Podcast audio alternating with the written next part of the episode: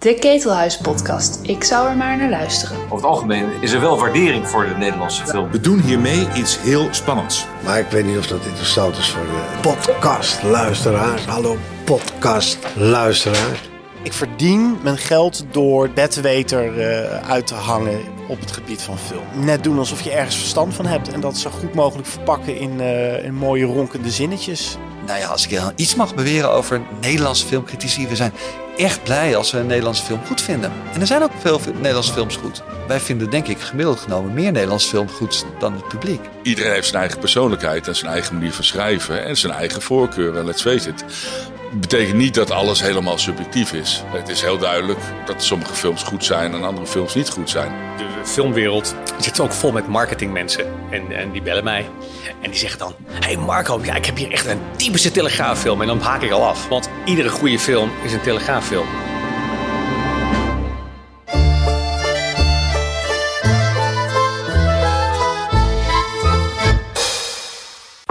Nederland telt zo'n 140 filmjournalisten die zijn aangesloten bij de kring van Nederlandse filmjournalisten en dus professioneel met film bezig zijn. De meeste schrijven voor filmwebsites of kleinere nieuwsmedia en vinden zo hun nichepubliek. Maar de meeste aandacht gaat toch vaak uit naar de filmjournalisten die bij de grote kranten elke week weer pagina's vol pennen met interviews, recensies, columns en beschouwingen en zo een enorm publiek weten te bereiken. In deel 1 van een nieuwe vierdelige serie van de Ketelhuis podcast spreekt Noah Johannes, zelf filmjournalist bij NPO 3, met vier filmjournalisten die het voorrecht hebben om voor een grote krant over film te mogen schrijven. Guido Tienhoven van het AD, Koen van Zwol van NRC, Marco Weijers van de Telegraaf en Boor Beekman van de Volkskrant. Alle vier staan ze in een rijke traditie die door hun voorgangers is neergezet. Journalisten als Abzacht, Hans Berenkamp, Erik Koch en Peter van Buren hebben meerdere generaties van hun lezers filmliefde bijgebracht. En aan de andere kant vreesden distributeurs en regisseurs vaak hun oordeel. De vraag is of dat voor de nieuwe generatie filmjournalisten ook zo is. Voelen ze zich machtig of relativeren ze juist hun invloed? Hoe zijn ze zelf in het vak beland? Hoe kijken ze naar zichzelf en naar hun collega's? En moet je per se veel filmkennis hebben om een goede filmjournalist te zijn? Of is een dosis nieuwsgierigheid voldoende? En houden ze in stijl en filmkeuze rekening met het publiek van hun krant? Vandaag trappen we af met het groentje onder de vier geïnterviewde filmjournalisten, Guido Tienhoven. Sinds 1 januari 2021 is hij de filmman van het AD. Hoewel, ervaring heeft hij genoeg. Jarenlang was hij een van de meest prominente mediajournalisten van ons land. En in de inmiddels door het AD ingelijfde filmpodcast Movie Insiders al 13 jaar een professioneel uit de hand gelopen hobby van Guido en zijn filmmaatje John, kon hij zijn filmliefde al uitgebreid kwijt. Het wordt een gesprek over het in je eentje moeten vullen van alle filmpagina's van de krant en over zijn missie om zijn lezers te enthousiasmeren en op te voeden. Maar dan wel laagdrempelig en met niet al te moeilijk taalgebruik geschreven, aldus Guido. Het blijft tenslotte het AD. Hoog tijd voor een laagdrempelige introductie door Guido zelf. Nou, ik ben dus Guido Tienhoven en ik werk al heel lang voor het AD. Ik ben bijna tien jaar lang mediaverslaggever geweest. Dus dan deed ik alles wat met film, uh, nee, alles wat niet met film te maken had, maar alles wat met televisie en radio uh, te maken had. Dus van kijkcijfers tot, um, uh, nou, de fusie van Talpa en RTL heb ik net gemist. Dat was altijd het moment dat ik dacht, als ik dat nog meemaak als mediaverslaggever, dat zou kicken zijn. Maar, ja, maar je helaas... kreeg een nieuwe uitdaging aangeboden. Ja, zeker. Nee, dit wilde ik al heel erg lang. Uh, ik ben al heel lang met film bezig. Als, uh, als tiener schreef ik al filmrecensies. Ik deed voor Film Totaal. Uh, die website bestaat ook nog steeds. Heb ik het een en ander geschreven. En ik doe al 13 jaar een filmpodcast samen met mijn maatje John, Movie Insiders. Volgens mij de langstlopende filmpodcast, toch? Ja, dat roepen wij altijd heel stoer. En dat, en dat is ook zo. het is en heel stoer. En ja, we, ik kan me herinneren dat toen wij begonnen... dat we zeker nog vijf, zes jaar lang hebben moeten uitleggen aan allerlei mensen... wat überhaupt een podcast is. Ehm, nou, dat moet je misschien nog steeds een beetje doen eh, bij de wat oudere generaties. Maar, eh, Maar alleen daar toch mag ik ja, hopen. Je hebt wel ja, onder de ja. steen gelegen, denk ik, als je niet een keer naar een podcast dat hebt denk ik ook. geluisterd. Ja, we hebben ineens heel veel concurrenten erbij. Dus eh, dat is alleen maar leuk. Alleen maar leuk. Maar goed, je, je deed dat. En je Ja. bent dus heel lang mediajournalist geweest bij het AD. Maar toen deed zich een nieuwe kans voor. Vanaf begin het jaar, toch? Zeker. Ja, ik was al heel lang aan het azen op de job van Abzacht. Mijn voorganger, die dat echt 400 jaar lang eh, heeft gedaan. Waanzinnig. Echt, eh Echt alle een, respect voor veteraan als het gaat om eh, filmjournalistiek. Zeker, zeker. En ik heb dat altijd. ik hoop, ik heb het hem wel eens gevraagd. Voelde je mijn hete adem in je nek? Hij zei nee. Eh, en een van de eerste dingen die hij zei tegen mij toen de kogelbal een beetje door de kerk was, was: Nou ja, als iemand het dan moet doen, dan moet jij het zijn. maar Ab is fantastisch. En hij, waarom eh, dan? Waarom jij? nou, omdat hij merkte aan mij, we hadden het heel veel al over films. En hij merkte dat ik veel kennis had en dat vindt hij dan prettig. En dat heb ik natuurlijk ook wel eh, quasi subtiel laten blijken. Ja, ik, ik, moest, ik moest dit gewoon doen. En ehm, ik denk dat iedereen wist dat ja, we kunnen niet meer om Guido heen als Ab met pensioen gaat.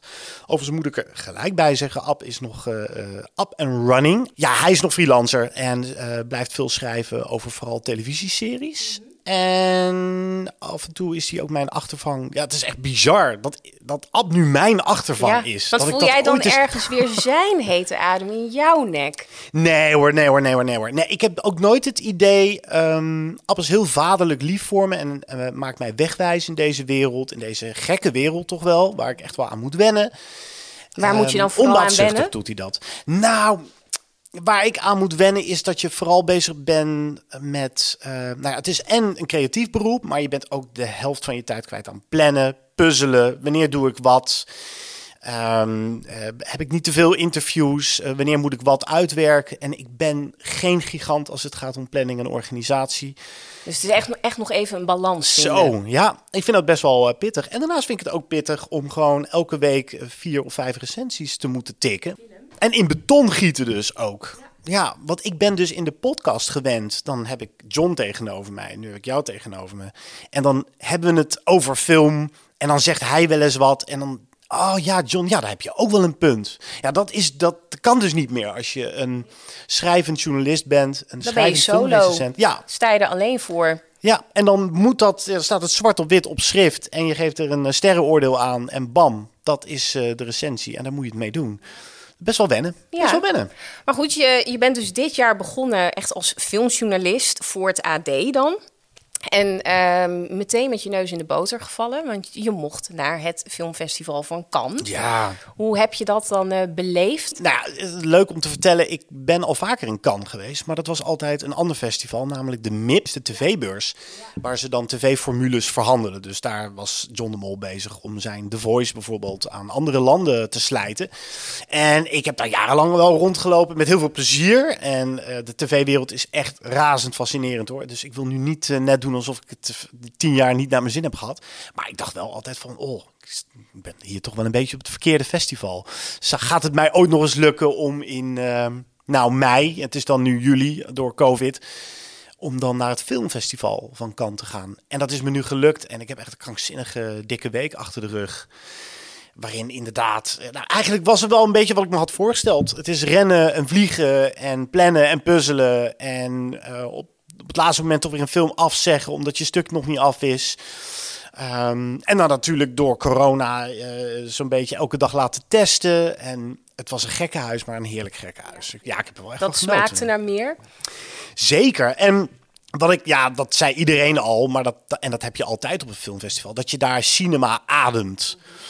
Ehm, het is best wel bizar. Op een gegeven moment kwam het nieuws van Peter R. de Vries, eh, weet ik, en daar schrokken we allemaal van. En toch, je schrikt dan ook weer hoe makkelijk je weer in de bubbel wordt teruggezogen en je ja, alsof film het belangrijkste van de wereld is. Dat maakt je als, nou, dat is beroepsmatig gezien wel goed natuurlijk.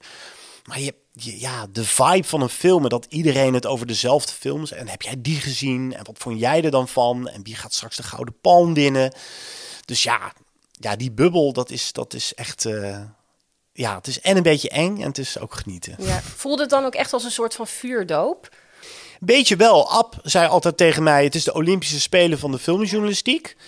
Nou, ik denk dat hij daar wel gelijk in heeft. Dus ik hoop dan dat de filmfestivals van Venetië en Toronto of zo, die ik dan ook hoop te gaan doen, uh, dat die wat, wat relaxter zijn. Maar ja, ja, weet je wat het is? Je kan, het, het, het, het, klinkt altijd films kijken, stukjes tikken, interviewtje doen. Maar ja, het is, er komt wel veel meer bij kijken. En ook als je een groentje bent, ben je nog wel geneigd om van elk stukje minimaal een 8,5 te maken.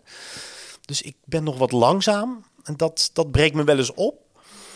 Dus ik moet uh, wat vaker genoegen nemen met een 6,5 of zo. Dat mag ik eigenlijk helemaal niet zeggen hè, als filmrecensent. Dan mag, dan mag je als lezer moet je verwachten dat je altijd minstens een 8 krijgt voor je neus. Maar, maar nou ja, hoe bedoel je dat precies? Dat je dan minstens een 8 krijgt? Van wie? Wat? van mezelf in ieder geval. Ja, dat ik echt tevreden ben. Dat ik ook in 150 woorden, want ik ben het AD en ik ben niet NRC of Volkskrant. Dus wij hebben geen enorme lappen tekst. Je moet af en toe een recensie echt in 150 of in 200 woorden. Wil je een film zo goed mogelijk neerzetten. En dan Dus ga jij niet hele essays tegens. aan wijden.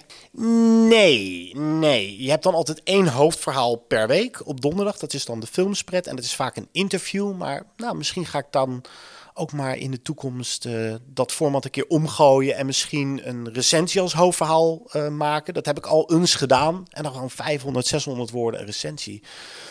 Dat lijkt me heerlijk. En, eh, en, maar ja, je, wil gewoon optimaal gebruik maken van jou, van de ruimte die je hebt. En dan zullen veel mensen denken, ja, maar je hebt de krant, dat is ouderwets. En je hebt toch online en alles gaat ook online. Maar je denkt nog steeds vanuit de krant, omdat je maar, ja, je moet die twee pagina's vullen. En ik ben daar de baas over. Dus je moet die vakjes gaan verdelen. Wat komt waar? Eh, welke film krijgt, eh, nou, hoeveel woorden? Dus je denkt toch wel nog steeds in ouderwets papier. Ik ben eigenlijk ook wel benieuwd. Als jij eh, bijvoorbeeld op een feestje ergens voorstelt en mensen die jou niet kennen en ze vragen: Goh, wat doe jij eigenlijk voor de kost? Wat zeg jij dan? Hoe omschrijf jij jezelf? Dan zeg ik dan, eh, ik verdien mijn geld door een bedweter eh, uit te hangen op het gebied van film. Nee, ja, filmjournalist. Ehm, net doen alsof je ergens verstand van hebt en dat zo goed mogelijk verpakken in, eh, in mooie ronkende zinnetjes. En ja, dat klinkt allemaal. Ik, ik vind het gewoon nog steeds. Ik zeg dit allemaal om een beetje in te dekken. Ik vind het nog steeds wel moeilijk om ehm, een beetje de autoriteit uit te hangen. Dat zit niet zo in mijn persoon. Ik ben gewoon een ontzettende filmliefhebber, maar ik ben niet zo iemand die kei en keihard ingaat tegen iemand die een andere mening heeft dan ik. Want waar staat dan het woord filmjournalist voor? Nou, dat is dat je in ieder geval blijk geeft van eh, filmkennis. Dat je veel films hebt gezien en dat je dingen met elkaar kan vergelijken. Dat je kan zeggen, hey, het lijkt wel een beetje op het werk, het oude werk van Steven Spielberg of zo. Ik zeg maar wat. Je moet, ehm, nou, je bent ook journalist, dus je hebt ook gewoon de plicht om mensen te informeren. Ook over dat er een nieuwe film zit aan te komen van deze meneer Spielberg. Of eh, als er iemand is overleden, dat je een goed beeld schetst van hoe was eh, puntje, puntje, puntje. Dus ja, je bent, je bent en je mening aan het geven. En je moet toch ook gewoon mensen vertellen wat ze kunnen verwachten als ze naar die film gaan. En dat is dan wel een, een, spannend spanningsveld. En dan gewoon ook interviewen en iemand neerzetten. Eh, ik, ik deed een interview met Casey Affleck. Nou, ik denk dat heel veel mensen die het AD lezen misschien niet zo bekend zijn met Casey Affleck. Ik zal misschien inderdaad iets meer moeite moeten doen dan bij andere kranten om hem eventjes ehm, voor te stellen. Wat heeft hij gedaan? Wat voor soort acteur is het? Waarom vind ik hem zo goed? En waarom, eh, als je nog niks van Casey Affleck hebt gezien, is dat eigenlijk een schande en moet je zo snel mogelijk een film met Casey Affleck aanzetten. Je bent ook een beetje opvoeder eigenlijk. En dat, dat kun je ook doortrekken in de keuze van welke films doe je wel en niet. Er komen elke week zo ontzettend veel films uit. Je moet een keuze maken. En dan zou je denken bij het AD, nou ja, dan krijg je in ieder geval eh, je Black Widows van Marvel. Je krijgt je Fast and the Furious.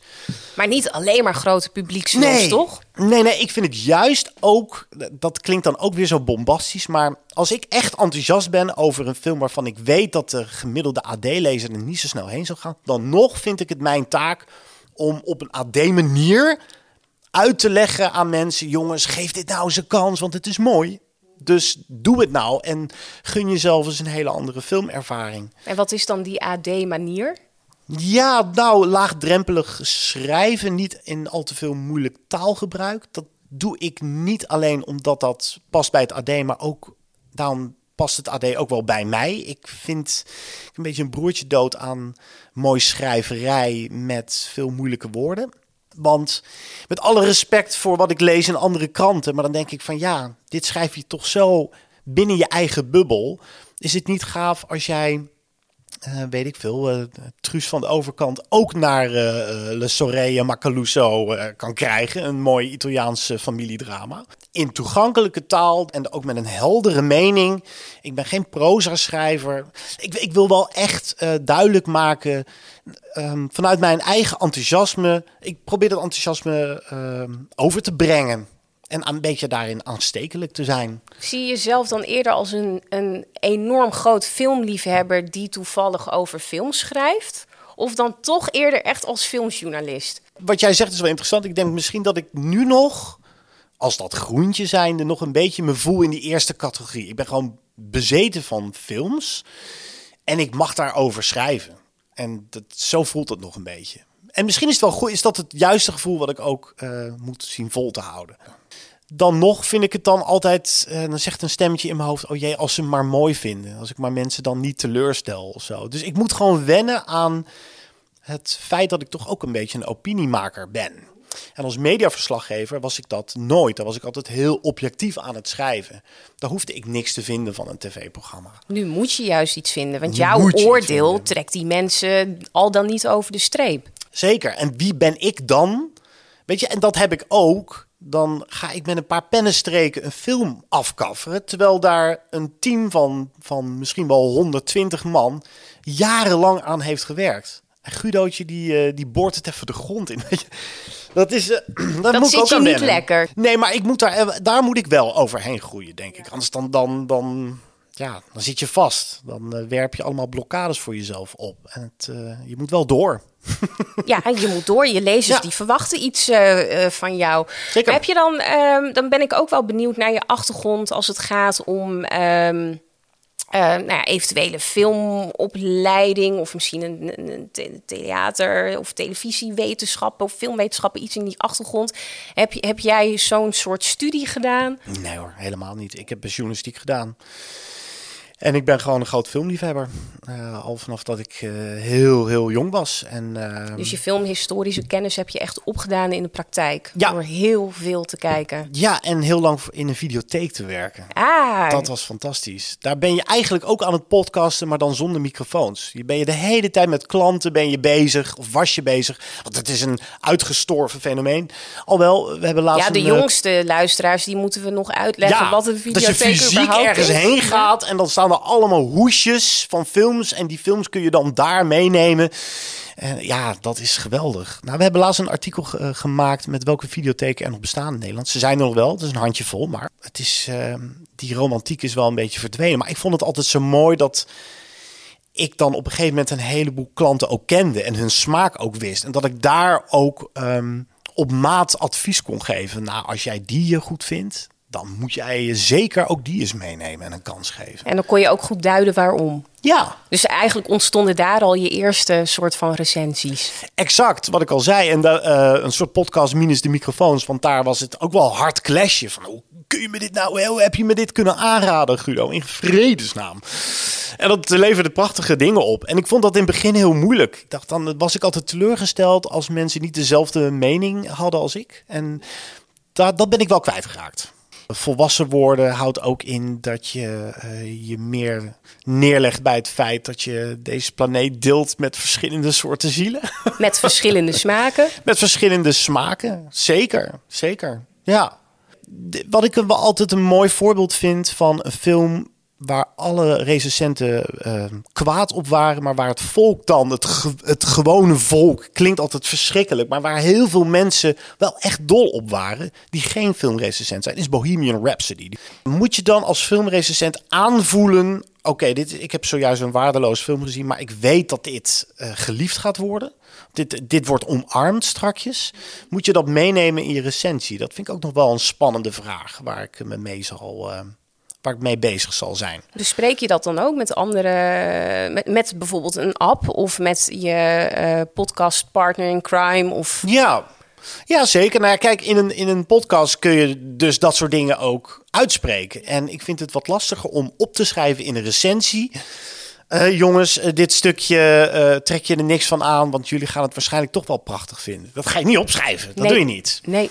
Dus daar moet je dan een trucje voor bedenken. Laatst recenseerde ik De Oost. En toen dacht ik, ja, ze zonde om deze maar drie sterren te geven. Ik vind het echt wel een drie sterren film, maar het is ook met zoveel lef gemaakt. En zulke Nederlandse films zie je niet vaak. En toen heb ik letterlijk opgeschreven, het is eigenlijk een drie sterren film die er een extra ster bij krijgt voor de ballen die het heeft om dit verhaal eens een keer te vertellen over de misdaden die plaatsvonden in Nederlands-Indië. Doe je dat dan vooral toch voor de makers op dat moment? Of is dit echt gericht op het publiek? Om ze dan toch ook over Goeie de vraag. streep te trekken? Ja, die ook film wel. een kans te geven? Eh, Ja, en toch ook wel een compliment naar de filmmakers. Toch ook wel. Dat ik, ik zie die Jim Taihudo daar zwoegen in die jungle. Hij heeft daar jaren aan gewerkt. De regisseur van de film? De regisseur. En hij weet ook, dit is een gevoelig onderwerp. Dus ik zal het ook heus wel op mijn dak krijgen. En dat hij dan toch een redelijk evenwichtig verhaal heeft weten te vertellen. Met alle pros en cons. Dat vind ik dan toch knap. En dat de film dan niet helemaal perfect uitpakt. Vind ik dan minder erg. En dat moet ik dan ook meenemen in mijn oordeel. Was jij ook heel veel aan het lezen over film? Of ben je op een gegeven moment ook eh, de recensies van eh, nou ja, bekende filmrecensenten gaan bijhouden, bijvoorbeeld? Zeker, waaronder van Ab.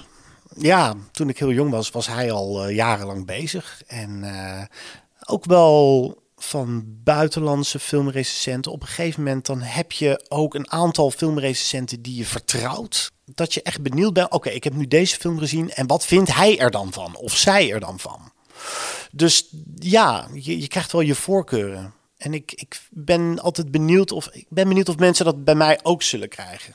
Goh, Guido, die, die, met wie ik het toen zo eens was over die film. Eens even kijken wat hij heeft geschreven over deze film en of we het weer eens zijn of niet. Ja, zou dat voor jou het grootste compliment zijn? Nee, ik denk dat het grootste compliment wat je kan krijgen als filmrecensent is dat mensen een, een kaartje hebben gekocht voor een film die ze anders zouden hebben overgeslagen. Ik denk dat dat het mooiste compliment is. Dus toch dat enthousiasmeren. Ja, ja, vind ik echt een taak van de journalist. Dus buiten je bubbel durven te kijken en proberen niet in de, in de, met een wijzend vingertje van eh, je bent slecht als je hier niet heen gaat, maar wel in de sfeer geef het nou eens een kans. Maar is dat dan ook wat jouw voorbeelden deden? Ja, ja, daar las ik dat terug in, in die stukken. En dan ging ik toch ook buiten mijn ehm, comfortzone treden. En daardoor ben ik ook andere films gaan waarderen en gaan kijken. En dan begint het grote, de, de, de filmliefde. ehm, die ga je dan helemaal uitdiepen met het kijken naar classics. En dat je jezelf dan als opdracht geeft naar elke classic. Ga hem eerst kijken en dan ga je er alles over lezen. Zodat je ook weet over nou, hoe moeilijk het was om die film te maken bijvoorbeeld. Of ehm, eh, wat ermee wordt bedoeld. Of de verschillende analyses die er zijn over die Kubrick-film bijvoorbeeld. Eh, ja, dat, dat, dat vond ik heel gaaf. Heel veel lezen, lezen, lezen. Want vind jij bijvoorbeeld dat je als eh, filmjournalist, of dat je jezelf eigenlijk pas echt een filmjournalist kan noemen op het moment dat je ook het hele oeuvre van eh Belatar of Tarkovsky van A tot Z kent? Nee, dat vind ik niet. Nee. Waarom niet? Nou, ik denk dat je ehm, enthousiast moet zijn over film. En dat kan je ook als je 100 films hebt gezien in plaats van 1000 films. En dat je daar dat je goed bent in het verwoorden waarom je vindt wat je vindt. Dat je je argumenten in mooie volzinnen kan overbrengen naar de ontvanger. En als je dat kan, dan ben je al een heel eind, denk ik. Dat klinkt makkelijker dan het is. Dat is ook, ook nog een hele kunst. Maar ja, ik heb daar altijd veel discussie over met mijn podcastmaatje John. Die vindt dat dan echt een, die kan het een schande vinden dat, dat je dan beweert een filmliefhebber te zijn, maar dat je dan nog nooit Citizen Kane hebt gezien. Bijvoorbeeld, ja. ja. Ik ben daar wat milder in. En dan denk ik van ja joh, maakt toch helemaal niet uit. Het is toch prachtig dat mensen naar films kijken, het erover hebben, daar discussies over voeren. Kun je daar ook milder prachtig. in zijn omdat je voor een medium schrijft eh, ja, met, met, met, met lezers in je doelgroep die daar misschien dan ook wat minder waarde aan hechten? Eh, ja, nou, dat, dat maakt mij dan, denk ik dan wel geschikt voor dit medium. Ehm, maar dat heb ik altijd al wel gehad. Ik ben nooit iemand geweest die ehm anderen wees op het werk van Belatar. Film hoef je ook niet per se te snappen. Film moet je voelen, vooral. Om maar even een cliché uit te gooien. Ja. Dat vind ik altijd wel belangrijk. Een film moet je voelen. En je hoeft ook niet bang te zijn dat als je een film hebt gezien, dat je hem dan niet snapt. Of, oh jee, ik heb hem niet begrepen. eh, ben ik nu dom of zo? Dat moet je vooral. Ik, ik hoop dat ik mensen dan een beetje kan geruststellen als filmrecensent. Om te zeggen: dat is niet erg, joh. Dat, dat, heb, dat hebben we allemaal. Ik zag ook op het filmfestival van Cannes dan weer zo'n film. Ik dacht, ja, jeetje, wat moet ik hier nou mee? Het was een, een film uit Finland over ehm, nou, een meisje die door Rusland reist in, in de trein. En ze wil per se eh, ergens heen. En ja, ze, verveelt zich een beetje in die trein eh, eh, coupé. En ontmoet daar een jongen die alleen maar aan het zuipen is. En dan... Er gebeurt gewoon bijna... Er gebeurt gewoon geen flikker in die film. Maar je hebt wel aan het einde het gevoel dat je een hele reis hebt gemaakt. En dan verzet je als kijker een beetje tegen die film terwijl je er naar aan het kijken bent. En dan kom je eruit en denk je van, maar het is toch ook onwijs knap van de makers en de acteurs. Dat je het gevoel hebt dat je helemaal bent weg geweest. Ik kan me dan nog redelijk eh, verschuilen door te zeggen, nou weet je wat, ik doe die, ik recenseer die film maar niet. Want het is voor het AD en er gaat toch geen hond naartoe. Maar ja, goed, je zegt eerder dat je ook... eh, je, je doet ook een beetje aan opvoeding. Ja. Of, of je wil mensen ook inspireren om iets een kans te geven... waar ze eerder niet... eh, Dat is waar, maar dan moet ik ook. Dat moet dan misschien een film zijn die. eh, ehm, ja, ik wil niet eh, doen overkomen alsof de AD-lezer een of andere dombo is. die alleen maar naar Fast and Furious kijkt. Hè. Dat, wil ik, dat wil ik zeker niet beweren. Maar als ik echt enthousiast ben over een film. waarvan ik weet dat er niet heel veel mensen heen zullen gaan. Dan, dan, ja, dan kom ik om de hoek kijken. Dan, dan heb ik echt het gevoel, ja, nu kan ik misschien wel een verschil maken. Als ik dat een beetje goed opschrijf. Kijk of me dat lukt. Dat is de uitdaging. Ga jij ook nog wat verder als het gaat om filmnieuws over de filmindustrie bijvoorbeeld? Of eh, neem je ook eh, reuring rondom het filmfonds mee? Ja, dat laatste vind ik dus zelf ook helemaal niet interessant. Ik, heb, ik lees wel eens dat soort verhalen omdat ik dan vind dat ik dat moet doen en het moet weten. Maar ik denk dat ik daar niemand een plezier mee doe, joh. Zijn er nou echt mensen die niet werkzaam zijn in de filmindustrie, die dat soort dingen interessant vinden? Ik geloof daar helemaal niks van. Volgens mij vindt men daar geen reet aan. En het is echt een misvatting om daar hele verhalen aan op te hangen. Over Kijk, of je moet de vertaalslag maken naar wat het kan betekenen voor de doorsnee filmkijker. Waarom? Je kan wel de interessante vraag stellen: waarom zien we in Nederland zoveel romantische comedy? Dus als ik zo'n verhaal maak, dan moet dat, dan moet dat wel zo'n insteek hebben. Anders dan moet ik het niet doen. Anders dan ga ik mensen er alleen maar mee vermoeien en in slaap sussen. Vind je het wel belangrijk om zelf heel erg op de hoogte te blijven van wat zich allemaal in de industrie afspeelt? Ja, ik vind dat wel belangrijk. Ik vind dat ik dat ook moet meekrijgen. En dat is iets waar ik dan nog niet zo in thuis ben. Dus daar ben ik momenteel mee bezig. Jullie eh, podcast over de Ketelhuis podcast. Jullie hadden laatst een hele leuke serie over hoe dat nou zit met distributeurs. En wat zij nou eigenlijk doen. En hoe zij hun geld verdienen. Ehm, nou, ik dacht, ga laat ik daar maar eens naar luisteren. Want daar weet ik eigenlijk heel weinig van af. Ik heb dat nooit zo interessant gevonden. Ik vind de films gewoon interessant. En ik vind het leuk om een filmdialoog te houden. Ik vind het leuk om met mensen op straat te hebben over... Goh, heb je die film gezien en waarom vond je hem dan mooi? Het, het uitwisselen van meningen. Of dat nou film is of iets anders. Ik vind dat, dat, hele, fe- dat hele fenomeen alleen al heel erg mooi. Maar ik wil mezelf wel wat meer onderwijzen in... Nou, wat doet zo'n filmdistributeur? Ik vind het wel. Ik wist dus helemaal niet toen ik begon aan dit werk dat die distributeurs klauw met geld betalen voor dat interview wat ik doe. Nou, dat, dat, dat was een eye-opener. Dat wist ik helemaal niet. En het is best wel goed om dat te weten. Want anders dan zou ik misschien wat vaker zeggen van... joh, eh, laat maar zitten dat interview. Het komt me toch niet zo goed uit. Ik Ja. eh, kies even wat anders. Ja, dat, dat, dat werkt niet zo. Dus je bent best wel een beetje een, een verlengstuk van een soort PR-machine. Ja, want tegelijkertijd wil je misschien ook gewoon, eh, of, of wil je ook heel onafhankelijk blijven. Ja, exact. En dan kan het soms misschien maar beter zijn om bepaalde dingen niet te weten. Ja, of je ehm, geeft mee dat, je, dat er heel veel betaald is voor dat interview. Ik vind het ook altijd leuk dat als een interview helemaal stuk loopt en er is wel iets anders interessants aan de hand. Dat je bijvoorbeeld in met een groepje journalisten om Denzel Washington heen zit. Dat een van die journalisten uit, weet ik veel, IJsland zegt van... joh, eh, vind je jammer dat je niet voor die film een Oscar eh, of geen Oscar hebt gewonnen. En dat hij nooit in die film heeft gezeten. En dat Denzel Washington dan vervolgens heel boos wordt, opstaat en de tafel verlaat. Ehm, dat kun je ook opschrijven. Dat is ook journalistiek. Dat is toch ook gewoon om je heen kijken wat er gebeurt en dat meegeven. En dat zegt misschien wel iets over die acteur. Dus ja. En, en waarom zou ik dan ook niet af en toe eens opschrijven? Dat doe ik af en toe ook wel eens een beetje gemeen. Dat ik dan van de PR-managers eh, van tevoren heb gehoord: joh, stel geen vragen over dit en dat. En dan schrijf ik dat ook op. Van goh, uh, in het begin werd, uh, werd ondergetekende nog met een pistool op het hoofd uh, medegedeeld. Vooral geen vragen te stellen over het privéleven. Maar Kees Affleck vertelde uit zichzelf over zijn kindje. En dat hij geboren is in Nederland, in Amsterdam. Toen hij daar Oceans 12 aan het draaien was. Dus nou, dat, dat vind ik dan ook leuk. Vind ik ook wel mijn taak. Toch ook een beetje de gekke wereld rondom ja, joh. de film en de filmjournalistiek te schetsen. Zeker. Wat is het een gekke wereld af en toe? Ja, het is, het is wel een gek. Het is ook een heel klein wereldje. Je komt elkaar telkens weer tegen. In de mediawereld was dat iets. Dat was wel wat, wat breder of zo. Lees je eigenlijk ook recensies van collega filmjournalisten? Ja hoor, zeker. Niet te veel, maar ja, ik vind het wel interessant. En ik ben ook nog wel geneigd om dat te doen, om te kijken of ik het goed heb gedaan of zo. Dat is ja, ja daar ik ja, mezelf weer weer heel een kwetsbaar op. Maar onzekerheid ja, uh, om de hoek. ja, nee, ja, dat, dat heb ik wel een beetje. Laatst uh, was dat uh, een mooi moment dat ik dan thuis had ik een screener gekregen van een film en nou, ik, ik ja, ik ben ook maar een mens. Uh, ik heb ook niet direct mijn mening klaar als ik een film heb gezien. En dit was echt zo'n film. Ik dacht, nee, wat moet ik hier nou mee? Zo, even online kijken wat men ervan vindt. En dat je dan tot de hele logische conclusie komt. Die is niet te vinden online, want dat moet nu van jou komen, Guido, die Precies, mening. Mensen die gaan jou raadplegen wat jij ervan vindt. Nou, dat is best even wennen.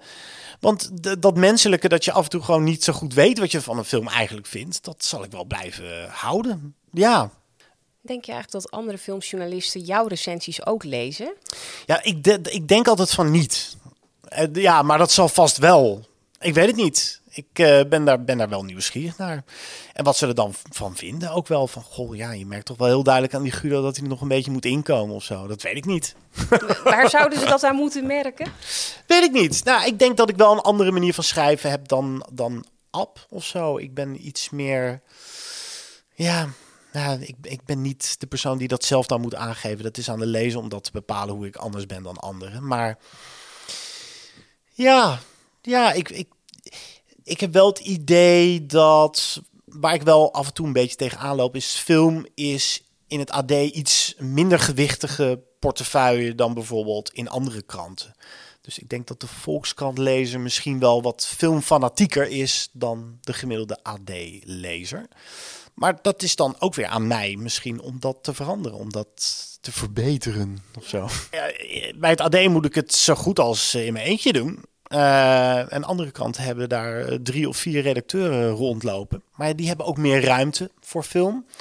Dus ja, ik ben het nog een beetje aan het ontdekken. Ik ben een wiel nog een beetje aan het uitvinden. Dus jij bent hier de enige die bepaalt over welke films geschreven wordt. Ja, wat klopt, een, ja. Wat een verantwoordelijkheid. Zeker. Ja, en ze gaan er ook vanuit dat ik dan eh, goed kan inschatten welke films dan wel of niet behandeld moeten worden. En hoe groot en wanneer. Ja. Hoe, Ik- hoe toets je dat? Heb, heb jij een soort van checklist voor jezelf om te bepalen of je een bepaalde film behandelt of niet? Mm, nou, ik kijk wekelijks natuurlijk naar het aanbod. En daar zitten dan ook films tussen waar ik zelf nog nooit van heb gehoord. Of van een filmmaker die ik niet ken. En die wil ik dan juist zien. Misschien zit daar wel een pareltje tussen die het verdient om eh, een plek in de krant te krijgen of online. Krant en online is het vaak hier natuurlijk, meestal eigenlijk. Ehm, en dat je toch ook, ja, dat je af en toe een beetje niet de meest voor de hand liggende keuze maakt. Ja, je kan de Fast and the Furious groot behandelen. Maar het is wel al deel 9. Ga je nou echt hele andere dingen schrijven over die film dan de vorige acht? Of is het dan leuk om eens een keer een verhaal te maken over wat is toch die succesformule van de Fast and Furious? Waarom blijven we massaal weer blijven we gaan naar die, naar die achterlijke films met nog net geen vliegende auto's? Nou ja. dat je dan toch wat meer achtergrond gaat schetsen of het fenomeen gaat schetsen Ja. in plaats van dat je puur en alleen de film recenseert. Zeker, zeker. En ik probeer dan eigenlijk altijd één maffe film ertussen te hebben. En wat versta je dan onder maf? Nou ja, de, de, de film die, eh, waar mensen een beetje dus voor uit hun comfortzone moeten stappen. Ik zag een prachtige film, Night of the Kings, uit Ivoorkust.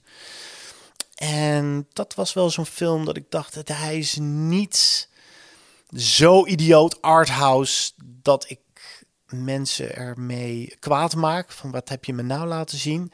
Ik denk dat ik daadwerkelijk een aantal mensen kan enthousiasmeren voor deze film. Dus die moet ik doen. Die moet ik ook dan een plek geven.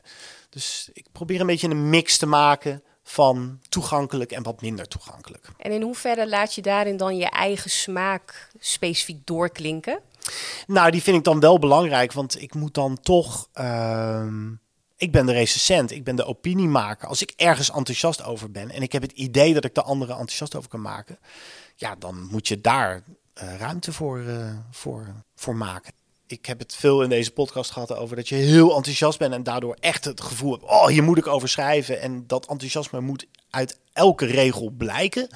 Maar dat kan ik ook andersom hebben. Toen ik die film Just Say Yes met Jolante Cabau recenseerde, ik, toen ik die film zag, voelde ik echt een boosheid van verdorie. Die is zoveel geld weer uitgegeven aan, aan een film die zo hopeloos niet van deze tijd is. En waarom blijven we daar nou met z'n allen heen gaan? Waarom blijft, wordt dit gemaakt? Omdat ik zie dat dat alleen maar is gemaakt voor de kliks. Want het is een Netflix-film, dus dan kun je het over kliks hebben. Het heeft niet in de bioscoop gedraaid. Makkelijk scoren. Eh, ervan uitgaande dat als Jim Bakken erin zit en Jolante Cabau, dat je er dan al bent. En dat je eigenlijk dan niet eens meer een verhaal hoeft te vertellen. Doet er niet, doet geen reet toe. En dat je dus eigenlijk de intelligentie van je kijker gewoon onderschat. Ehm, overigens, ja, daar- heel veel mensen kijken die film wel. Maar heel veel, ik, ik heb nog niemand gehoord die hem echt goed vindt. Dus ja, gaan we het ooit leren? Dus je bent toch bevestigd in je, in je mening Ja, op dat moment. ja. En anders dan zou ik graag die discussie... Ik ben altijd wel nieuwsgierig waarom mensen vinden wat ze vinden. Dus als je echt een hele goede argument hebt om Just Say Yes een prachtfilm te vinden... vind ik dat best wel leuk. En misschien moet het, moeten we ook eens in het AD af en toe eens de vorm uitproberen... van twee mensen zien dezelfde film en gaan battelen. Een beetje een podcast, maar dan opgeschreven. Ja. He said, she said, zoiets.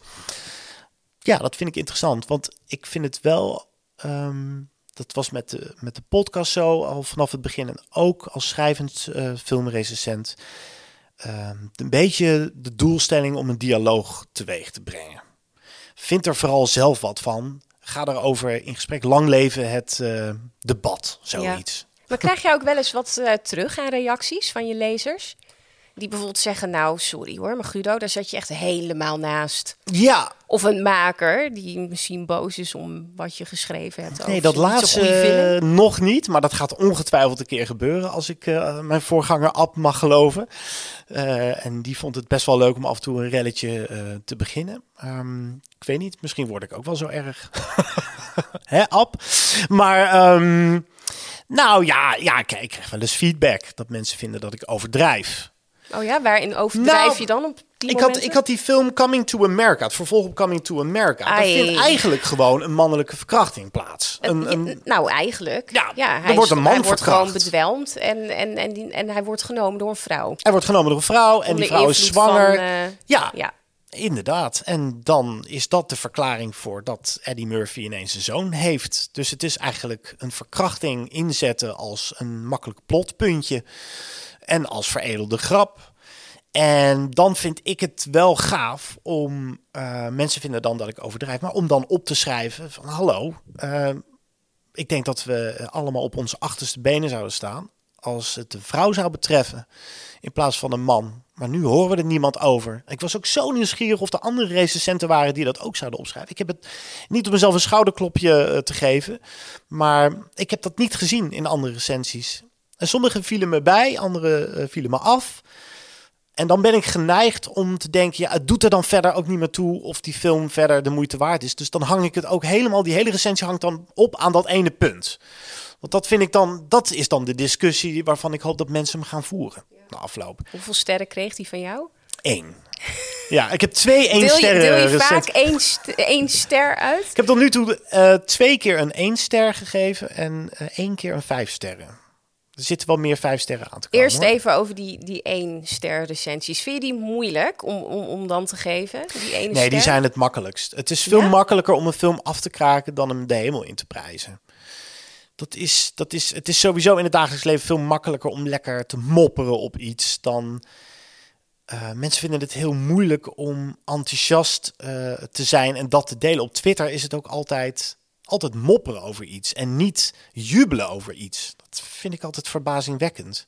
Ik vind dat ik die één ster mag uitdelen en dan ook heel streng mag zijn, omdat ik weet dat ik ook exact het tegenovergestelde kan zijn. Dat ik het wel van de daken kan schreeuwen als ik ergens echt enthousiast over ben. Of dat ik merk dat er een beetje laatdunkend wordt gedaan over films die best wel.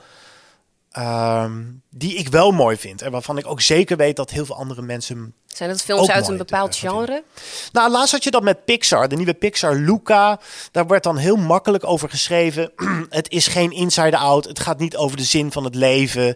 eh, eh, wat we wel hebben gezien bij nou, eerdere Pixar-films. Dus de lat ligt nu eenmaal hoog. En dan krijgen we ineens een heel simpel verhaaltje over twee jongetjes die bevriend worden en een avontuur beleven. Of een verhaal dat schittert in zijn eenvoud en Juist. wat minder pretentieus is? misschien? Ja, ik vond dat juist een verademing. En daarom vond ik hem ook weer beter dan de vorige van Pixar, Soul. Waarvan ik best wel, bij Soul ontdekte ik best wel dat dat, dat existentiële eh, wat de film wil aanstippen, dat dat moest echt uit de tenen van de makers komen, kreeg ik het gevoel. Het was geforceerd.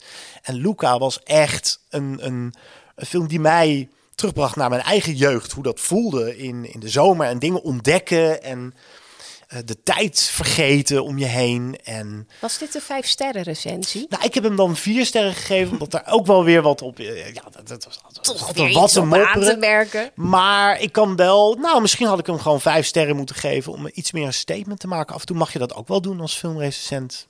Maar wat is dan de titel die je vijf sterren hebt gegeven? Ik heb Nomadland vijf sterren gegeven. Ah. De grote Oscar-winnaar van dit jaar. Of Is dat ook een film waarbij je even hebt getwijfeld?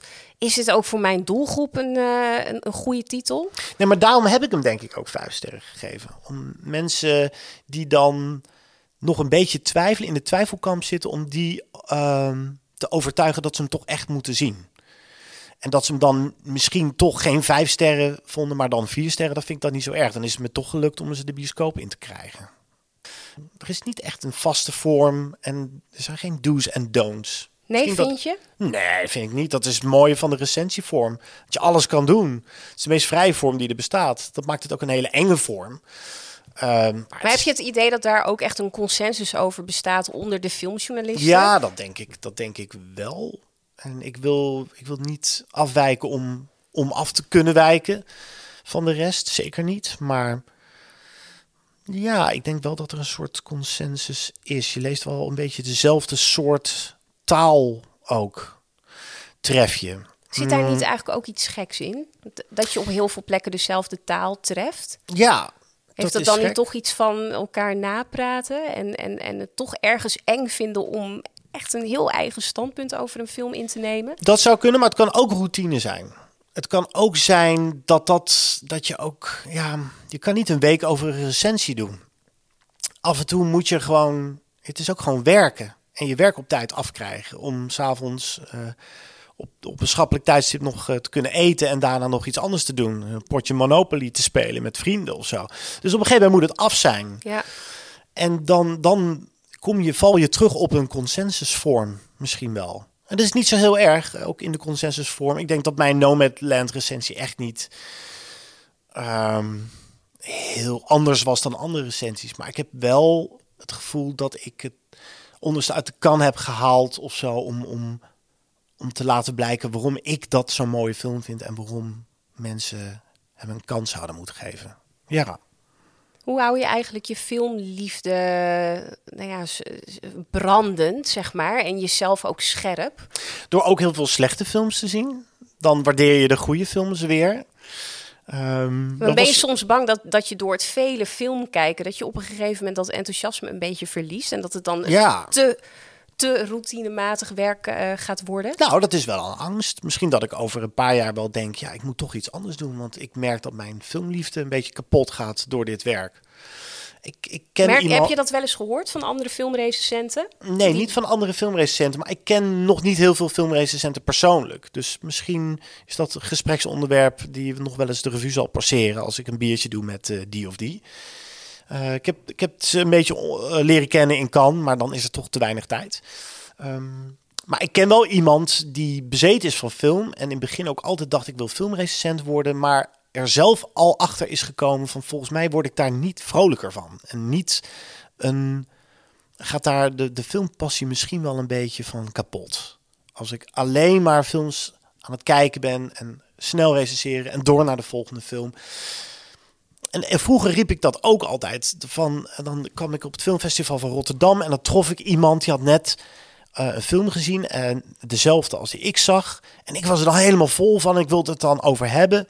En hij had het dan, dan over van ja, ik moet snel weer door, want ik heb nog vier andere films. Of dat hij heel stoer ging laten zien.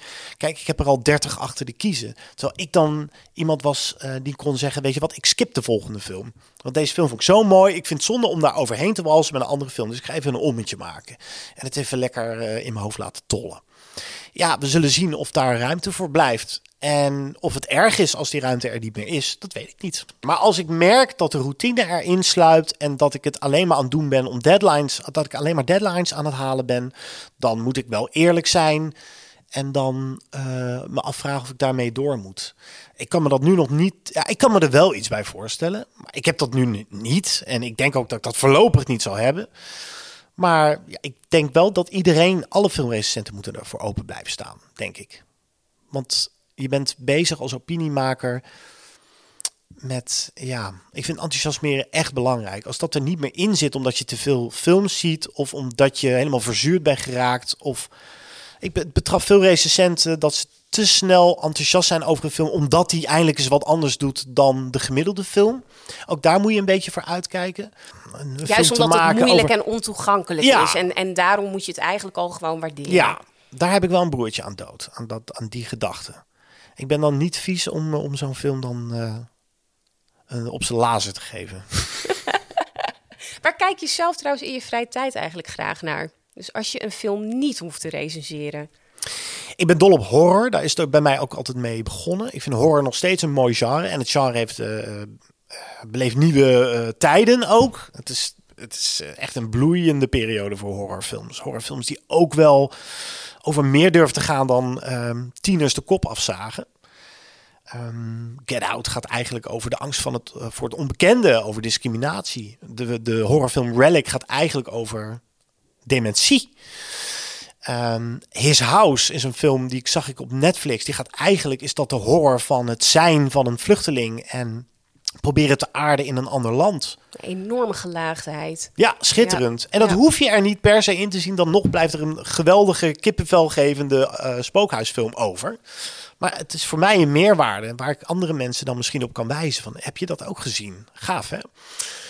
Dus horror vind ik prachtig om, om naar te kijken. Ehm, en ik, heb, ik, ik kijk met mijn vriendin altijd graag naar van die true crime documentaires. Dat is dan mijn guilty pleasure. Ik zie, die moet ik niet te veel recenseren. Die recenseer ik ook niet. Want ik zie daar echt het schabloon aan het werk. Maar ik vind dat toch, ik, dat, ja, vind toch lekker. Dat vind ik lekker kijkvoer.